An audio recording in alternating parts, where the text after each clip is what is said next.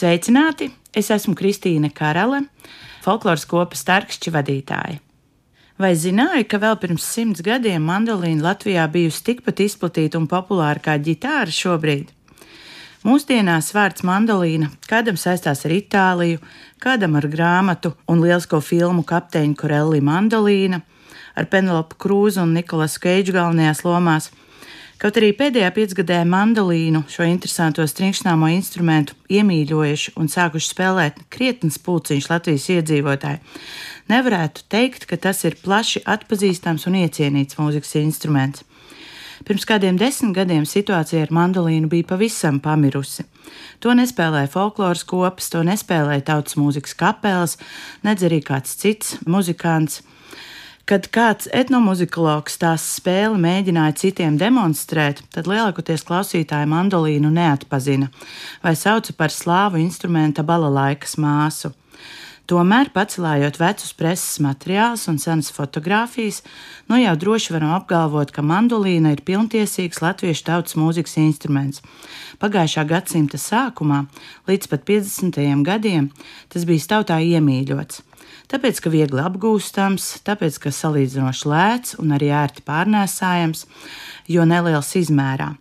Par to, ka droši mandolīns varam pieskaitīt mūsu tautas mūzikas instrumentu pulkam, liecina vairākas pazīmes. Kā raksta etnomuzikologs Ilmārs Punkurs, biedrības skaņu māja izdevumā tradicionālās mandolīnas spēle, Latvijā mandolīnas plaši sāka parādīties 19. gadsimta beigās. Sākotnēji vairāk pilsētas smalkajā sabiedrībā, bet pavisam drīz arī tradicionālo mūzikas ansambļu jeb kapelu sastāvos. Piemēram, 20. gadsimta 30. gados Rīgas krievu prese rakstīja par vectēvu laiku kadriļu dejošanu pie pašķidras mandolīnas stringšķināšanas. 20. gadsimta sākumā mandolīnu cienītāju skaits jau bija pieaudzis tik tālu, ka tie sāka apvienoties mandolīnu ansambļos un pat orķestros. Ar brīnišķīgu bildi nesen Facebook dalījās Saldus vēstures un mākslas muzejs. 1928. gada attēlā redzams Pampāļu pamatskolas mandolīnu orķestris patiešām iespaidīgā sastāvā - vairāk nekā 20 jaunieši. Arī pie mums Iecevā ir darbojušies vismaz divi mandolīnu orķestri.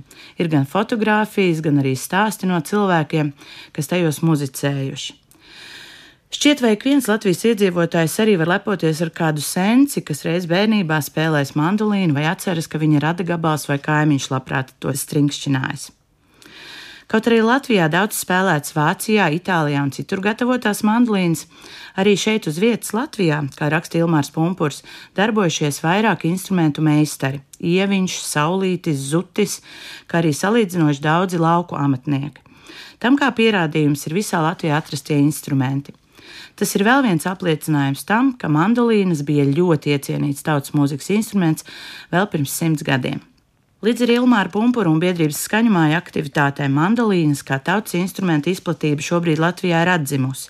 Tas spēle apgūst bērni tautas mūzikas nometnēs, folkloras kopās, arī pieaugušie tautas mūzikas instrumentu kursos. Mandolīna atkal atradusi vietu tautas mūzikas kapelās, kur tiek spēlēta kopā ar violēm, basi, harmonikām, kā arī ar lielu mīlestību un aizrautību skan manis vadītajā mandolīnistu ansamblī Tārkšķu mandolīnisti, kur darbojas ap 15 bērnu un jauniešu, kurus vieno mīlestību uz šo savdabīgu un interesantu skanošo tautas mūzikas instrumentu - mandolīnu.